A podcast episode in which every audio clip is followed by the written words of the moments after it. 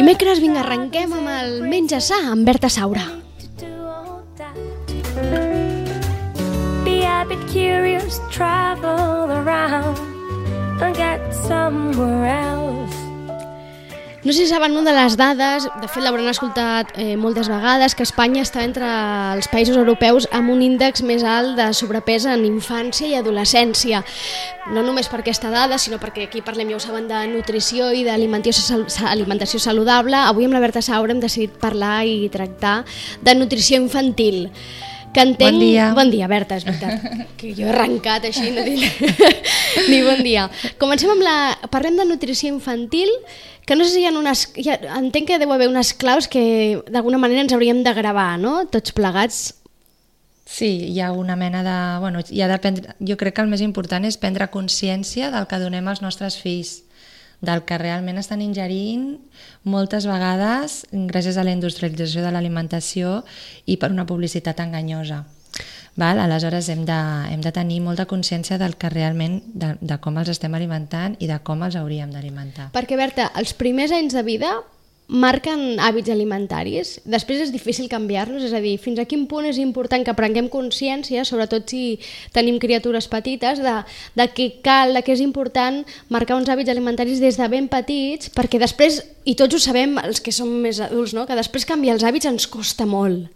Sí, els primers set anys de vida són on l'infant adquireix els hàbits i a més a més són els més importants a nivell d'alimentació per després tenir, com si diguéssim, una protecció cap a malalties. Val? Aleshores, hem, a més a més és una època on el nen necessita créixer, desenvolupar-se, tenir la màxima vitalitat. Un nen té que estar vital, no té que estar cansat, té que dormir, té que, bueno, que desenvolupar-se com cal, no? I el tipus d'alimentació que, que, que actualment, no dic tothom, no? però que a vegades doncs, ens considerem que, som, que és bona i realment no ho és, eh, fa totalment el contrari, no? inhibeix tot aquest tipus d'accions vitals del nen, no els ajuda a créixer, els, els desmineralitza, aleshores hem, hem de ser realment conscients de la situació que tenim actual i, i de poder-ho canviar. I que no és un problema menor i que moltes vegades uns mals hàbits alimentaris en una infància, en la, en la infància i l'adolescència acaben generant en, en l'etapa adulta doncs, malalties no? I, Sí. i problemes, doncs, abans ho dèiem, d'obesitat, que són les, les xifres, la veritat és que són bastant alarmants, però no només obesitat, eh? podem parlar de diabetis, no? d'altres... Al·lèrgies, intoleràncies, hiperactivitat, vale? o sigui, eh, realment no ens donem compte de, de, de, de que els cossos dels nostres fills estan canviant, de que la salut està canviant, de que hi ha noves malalties i tot això ve una mica acte reflex de, del tipus d'alimentació que, que ara mateix tenen i és bastant preocupant realment, eh? Doncs vinga, Berta, per on comencem? Per on comencem? Quin, què els hi comencem a explicar a aquests pares i mares que, perquè prenguin nota de, de quines són les claus o què, què, han de, què és el que han de fer per garantir una dieta saludable pels seus fills? Val, en primer lloc, jo sempre intento començar amb tot allò que, que, que no permetria que prenguessin, que seria l'accés de sucre, remarco molt, eh, la sal crua, bé que vingui de tot tipus de snacks, el fet de prendre una bossa de patates mm, dia sí, dia no, o, o ara a l'estiu, doncs mira... Doncs D'una manera com és habitual. Habitual, és que mm, no, és un pecat, o sigui, intentem-ho, sisplau, que, que no. És a dir, que hi ha Després- cosa d'una xutxa, va per una xutxa no passa res, una bossa de patates, ara que és estiu, cada dia el vermutet amb una bossa de patates, doncs, home, No, no. cada dia no. Ha de ser un una dia cosa com un extra. Exacte. Val? També l'accés de, de greix saturat que tenim ara mateix en totes les carns processades, amb els embotits, que diàriament en prenen i que tampoc va bé. Després totes les farines blanques i refinades, que ja vam comentar la setmana passada amb el pa. Eh, tots els additius químics, tots els precuinats, totes les salses envasades i tota aquella alimentació que és hipercalòrica i que és buida de nutrients, és a dir, que no ens aporten res. Tots aquests aliments haurien de... Els hauríem d'eliminar. D'eliminar i, i si us fixeu, quasi bé que tots aquests aliments són els que ens publiciten i els que als nens els hi agraden i els que volen realment alimentar-se. I no? moltes vegades també són els que tenen més a mà ells a la cuina, que aquí entenc que la disposició dels aliments a casa també és un factor a tenir en compte, no? És a dir, que potser hem de posar-los a l'abast aquells aliments que realment siguin saludables, doncs com ara que tinguin la fruita a l'abast, no? I que si tenen ganes de picar o de sobte els hi tenen, tenen el coquet de la gana, que no vagin a agafar aquell De tros de fruites, fuet, agafen una fruita, uns, uns, uns fruits... pots hermètics hi posem fruits secs, hi posem llavors, podem posar també, doncs, escolta, pa, pa, pa, pa integral, eh, un tros de formatge, per què no? O sigui, coses que ells també, doncs, que realment si l'hàbit és des de, des de molt petit, tot això ja s'adquireix i a poc a poc, doncs, ells van creixent amb això i, i després ja no... I amb el fet de que si aconseguim que per ells sigui un hàbit des de ben petits, com que no hauran... mm, no han, no han de canviar cap hàbit primer, primerenc perquè no, la, no el tindran, serà molt més fàcil per ells. Al final es tracta de Exacte. naturalitzar això, no? Exacte. Però sí que és veritat que si realment deixes de comprar aquest tipus d'aliments i els substitueixes per altres, els nens són la cosa més adaptable que hi ha al món. És a dir, el problema el tenim- som més els som pares, no? nosaltres que ens costa adaptar-nos a les novetats que ells. És així. Vale, hem parlat de, dels aliments o d'allò que hauríem, que no són aliments precisament, d'allò que hauríem de suprimir, no? d'eliminar Sí. de, de, de la nostra cuina, de, de, de casa nostra. Què, què més, Berta? Doncs, a veure, l'alimentació d'un nen és molt bàsica. Val? Una alimentació equilibrada, molt variada, on hi hagi molts colors, basant-nos en fruites i verdures, en proteïnes de qualitat. És a dir, proteïnes de qualitat, quan diem proteïnes, podem dir 50% vegetals i 50% animals, que estem molt acostumats a que els nens han de menjar el tall, no? No, no, perdona, aviam, podem donar una mica més de llegum, podem donar més fruits secs, podem donar cereals integrals, com sigui l'arròs integral, com sigui la quinoa, d'acord? Aleshores, hem una mica fer meitat i meitat, val? no cada dia s'ha de prendre proteïna animal, un tall de Carn, carn o peix tall de, o- o, o Mhm. tall de peix. Ara mateix, a nivell de proteïnes, podríem fer entre unes tres racions de, de llegum a la setmana, per exemple, entre una i dues racions de carn blanca, que es consideraria... Tres racions de llegum a la setmana, que, Sí. que deu ser difícil en moltes famílies que es faci això, no? Tinc la sensació que la llegum Sí. deu ser una dels aliments més abandonats a moltes cuines, no? Sí, i molt important, a més a més, per l'aport de fibra que té, perquè porta proteïnes però també porta hidrats i porta molta, molta fibra també, recordeu-vos que la fibra és molt, molt i molt bona. Mhm. I, i no és difícil realment, pots fer un dia un plat de llegum, un altre dia pots Un dia fer parlarem de llegums i ens centrarem en els llegums i ens portes tu que en saps algunes rece i receptes xules de Receptes, llegums com els que, hummus, els papers vegetals, exacte, perquè jo crec que és un aliment que està mm, que costa no, d'introduir-lo i que té moltíssimes propietats i ens ajuda això a Va substituir aquestes idees mm, arcaiques no, del tall, de la necessitat del tall que justament ara ens estàs dient que no és necessària. Deies, dos, Mhm. tres racions de setmanals de llegum, què més? Podríem posar entre una i dues de la carn blanca, que seria el pollastre i el conill. De carn vermella ens n'aniríem a una o dos, com a molt, a la setmana. De peix en posaríem una mica més, com podria ser unes dues o tres racions. I a l'ou, que jo considero que és, és molt saludable, perquè és una de les proteïnes que el nostre cos absorbeix millor, seria entre dos i tres racions, vale? que serien dos o tres ous a la setmana. la setmana. Per un nen. Eh? Per un nen. Vale? D'acord? Després, Amb això ja, alerta amb el tindria, ja sucre. podríem fer un, un menú mm, fàcilment, eh? Molt amb això ja fàcil. podríem fer un menú molt fàcilment. Sí, sí, sí, sí. Aleshores, compta amb el, amb el sucre diari, val? Per un nen, o sigui, a partir dels dos anys no es recomana prendre sucre, però a partir dels dos als set, diguéssim, seria uns 10 grams al dia. Que 10 grams és res, eh? 6 grams és una culleradeta de postre. Imagina't. Doncs ja, ja, ja, ja estem tots calculant que eh, superem seguríssim gairebé tots aquests 10 grams diaris de sucre recomanats en, en alimentació i en nutrició infantil. Per tant, eh, no es tracta tampoc de ser radicals, ara no, no, no es tracta d'anar a casa i dir als nens s'ha acabat el sucre, eliminem... tot", Però mirar d'anar-los canviant a poc a poc, no? Doncs petites substitucions, doncs si donem flans o donem iogurts amb sucre, doncs intentar fer-ho naturals i posar-hi nosaltres la nostra culleradeta de mel o un sucre, una rapadura, una coseta així, sí, clar que sí, no passa res, no? Però sempre d'origen màxim, màxim natural i tot, això, tot allò que sigui afegit, intentarem descartar. Vale? Molt bé, vinga, prenem nota. Què més? Què més? Us volia parlar dels lactis, que els pares estem molt preocupats amb el tema del calç. Home, és que el tema del lacti amb els infants és una cosa que a més a més jo crec que ens ve d'àvies, no? Oi, que no prens Sí. llet, si no prens llet no tens calç, si no tens calç eh, els ossos i les ungles i tot se't trencarà i, i tindràs un problema etern i, ara, i després ens trobem que bueno, doncs, eh, ara més tenim tota aquesta varietat de, de llets vegetals, no? que molta gent les substitueix pels lactis. Són Exacte. Importants els lactis en la infantesa, Berta? Són importants? Mm, jo diria que no, perquè es poden substituir per altres aliments que també en porten. Per això no ens hem de preocupar. Vale? Perquè hem de, hem de saber que sí, que els lactis són una bona font de calci vale? i de proteïnes d'origen animal, també porten proteïnes. I ens ajuden a fer doncs, fortos els ossos, això sí que és veritat. Però hi ha factors que inhibeixen l'absorció d'aquest calci, com pot ser el fòsfor. Vale? El fòsfor està present a la llet de vaca i aquest mineral no n'afavoreix l'absorció. Per tant, no és important que la quantitat de calç que ingerim, sinó que aquest calç no desaparegui, vale? Mhm. que l'intentem absorbir el màxim possible. D'acord.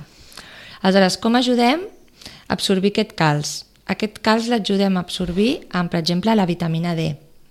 La vitamina D és la llum solar. -huh. posar, exposar els nens 15 minuts almenys al dia sense protecció solar, perquè si posem protecció solar no s'absorbeix, val?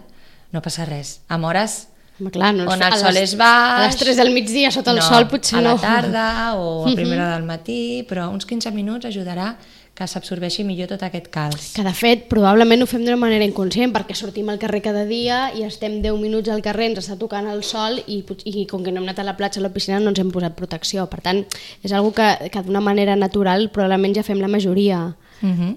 Sí, sí. A més a més, doncs, totes aquelles begudes ensucrades, amb gas, l'accés de proteïnes d'origen animal com la carn vermella, tot això també descalcifica molt els ossos. Aleshores, evitar aquests, aquests aliments. Vale? A més a més, si no donem lactis, doncs apoyar-nos amb fruits secs, amb llegums, les llegums també en porten molt, el sèsam, la, lla- la llavor del El sèsam, sèsam. moltíssim, també la podem ingerir en forma de tajín, que és la crema de sèsam, amb torrades, o en el mateix humus, l'humus que està fet de cigró amb el tajín seria una font de calç increïble pels nens. Seria un petit snack que podríem fer entre hores amb uns palets de pastanaga, per exemple, vale? o amb una torradeta. vale? També hi ha les algues, Que món ha- bastant desconegut, ja en parlarem també. Sí. Eh, només introduint una miqueta d'alga a dins d'una cocció d'una pasta, que no es nota ni el gust, ja estem mineralitzant el pelat i estem aportant un extra de calç. De calci. Vals? D'acord? Què més? També el bròquil. El bròquil porta Moltíssim, moltíssim calç. Val? Important que el bròquil sempre es cogui durant només al vapor uns 5 minuts, que quedi quasi bé cruixentet. Una mica el dent, eh? Com allò Sí. de la pasta italiana, no? Que et queda aquella, un, pen, un pell Un pèl dur, diguéssim. Mm. I també, important, si vols prendre'l cru, doncs també cap problema, el pots prendre cru. Val? A mi m'agrada cru. Tot això són aliments que aporten, donen, aporten un, una dosi de, de calci Extra. eh, extra, exacte, en el cas de que algú pugui pensar que si no pren llet em la dosi de calci serà innecessària. Però la meva pregunta és, un cop passada la lactància materna, el període de lactància materna o de biberó, aquelles mares que triïn el que- l'opció que vulguin, em, els nens han de continuar bevent llet, prenent llet? No cal. Només en funció de si els agrada, si ens va bé si els agrada, o si... sí, exacte, si els agrada, si és un gust, no, no passarà abs- absolutament Ara tindrem res. un munt d'àvies dient com que no? Segur, segur. Com que no? És importantíssim el got de llet no al matí. Cal, no cal, no cal. Podem donar també llets vegetals, que n'hi ha infinitats, d'ametlla, d'avellana, de nous, de cibada... Però que hem de dir que no són llets, això. Llet no és, no? són llets, són begudes vegetals. vegetals. Sí, és veritat, remarcar que això no és una llet, perquè no ve d'un mamífer, val? Aleshores, eh, aquest tipus de llets és molt important a l'hora de, de consumir-les, de mirar l'etiquetatge i de mirar que no tingui sucres afegits o de lo que li diuen maltodextrines, que a vegades no sabem el que és, això també són sucres, si diu maltodextrines, o a vegades posen xarop de glucosa. Totes aquestes lleis que portin aquests continguts de sucres els hem de descartar perquè al final És el hambre con las, hambres, les ganes de comer, no? Perquè no, no, no et fa bé tampoc, perquè t'està portant sucres. Per això ens hem de tenir de vegades quan decidim o optem per comprar alguna llet vegetal, per donar a tastar, perquè potser al nostre fill o la nostra filla no li agrada la llet de vaca i ens ve de gust que provi una llet vegetal perquè, pel, que, pel que sigui o perquè la volem tastar. Mirem bé l'etiquetatge perquè n'hi ha que em porten de sucres, n'hi ha que no, eh? també en trobaran als supermercats, n'hi ha que estan bé i que... No. I que... Normalment les d'origen ecològic són les que no condenen sucres sucres afegits. I després n'hi ha que, est que estan enriquides amb calç, que també està bé, però mm, un annex, sempre que siguin enriquides amb calç, hem de mirar que sigui del calç provinent de les algues que també ho posa l'etiquetatge. D'acord. Vale? Perquè si és calç afegit de manera sintètica, tampoc, ja, tampoc no ho descartem. Serveix. Val? Déu nhi l'exercici per anar a comprar llet, eh? Tot és complicat, però per això ens informem, bueno, un no? Cop, un cop ho aprens, això també és veritat, és com anar amb bici, eh? Un cop ho aprens ja està, ja ho tens ja clar està. i aleshores ja no, no has de repetir el procés. Sí, sí, sí, i tant, i tant. A més a més que totes aquestes llets vegetals ens aporten un extra de minerals que són bastant més, per mi, molt més bons que el que és la llet normal. Em, en cas de que hi hagi nens que diguin però és que al meu fill li encanta la llet de vaca, li agrada, tampoc no és, és a dir, perjudicial cap, tampoc no és. Cap problema, cap problema, però donar als nens llet amb el concepte de que si no prenen llet no prendran calç és un fals mite, val? O sigui, si tenen una alimentació adequada... O que no creixerà adequada, en aquells mites que teníem, eh? De, de matí. Ah, no si no prens la llet al matí, doncs et quedaràs petita, no creixeràs, això, és que això ens ho deien a tots. I clar, als nens que els agradava la llet era estupendo, però els que no ens agradava la llet, com per exemple era el meu cas, clar, era un, era un horror, fins que bueno, et fas gran al final i les clar. coses canvien, no? I com és que tots els nens que tenen intolerància a la lactosa creixen amb tanta salut? A l'Orient, molta, molta de, les, de la població població, quasi bé tots, genèticament, són intolerants a la lactosa, no prenen llet. Ells s'alimenten a base de soja, vale? aleshores, com és que ells tenen una salut millor que la nostra? O sigui, no hi ha quasi bé cap cas de càncer de colon a l'Orient. Eh? En canvi, als Estats Units n'està ple. I, i prenen llet a, prenen llet, prenen gelat, prenen mantega, tot el que... Tot, porten molt de lacti, molt de greix saturat i és això, no? Dius, aviam, què passa aquí, no? Tenim una cultura, a vegades és que estem tan arrelats a fals mites que també s'han que s'han d'explicar, que s'han de trencar i que no passa absolutament res. Doncs vinga, en això estem, en, en trencar falsos mites, avui referent sobretot a la nutrició infantil, no? que tant ens preocupa.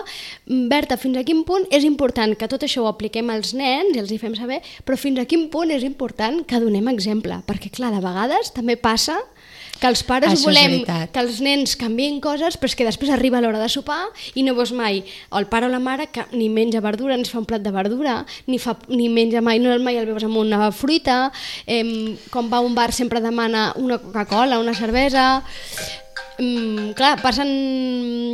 Veus això i dius, l'exemple? Fins a quin punt és important que, que, que donem exemple als pares i, sí. I, i les mares? Mira, els nens són un, jo penso que són un reflexe del pare, per tant nosaltres hem d'aprendre també eh, aplicar-nos totes aquestes normes, no? És important que nosaltres pues, que... Oix, el mòbil, que sona i no s'apaga, ja està, ja està. Perdoneu. No passa res, no passa res. Parlàvem del, de, de la importància de donar, de donar exemple, de que els pares i, i les mares també... Ens, al final es tracta un tema de, de creure's, no? de creure's, que, mm, creure's aquests hàbits alimentaris, que això serà un benefici pels nens, i, i començar aplicant-los nosaltres mateixos perquè els nens vegin sí. que nosaltres ho fem. També molt important la cultura de, de, de menjar plegats a casa deien, diu, deu ser alguna iaia per fotre, però per, dir-nos que això de la llet que, que estem dient podria ser. Sí, no? podria ser. Què deies, perdona? Estava, estava dient que important el, el menjar plegats, s'està perdent l'hàbit de menjar tota la família junta, és molt important.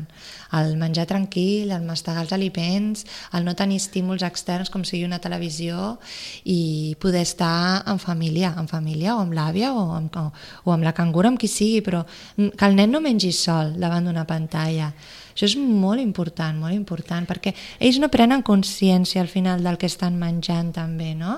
Aleshores és important parlar dels aliments. Escolta, doncs mira, avui menjarem bròquil, per què? Doncs escolta, aquest bròquil que bé que va, que porta molt de calç. Oh, mira, que... O sigui, una mica, doncs, introduir amb, amb una... no només alimentar-nos, sinó educar els nostres fills amb això. I, i, i per això els pares doncs, també tenen que estar informats, és molt important. Que ens informem i que ensenyem i que al final expliquem, no? expliquem allò que, que anem a menjar i, de, i també que els ajudem a tastar, no? a tastar aquestes coses noves que en alguns casos seran fins i tot noves pels pares i les mares. Eh? Segur. Però bé, en això estem, en aquest camí d'alimentació saludable. Berta, moltes gràcies, ens veiem dimecres Vale, que ve. a vosaltres, que vagi molt bé. Adeu.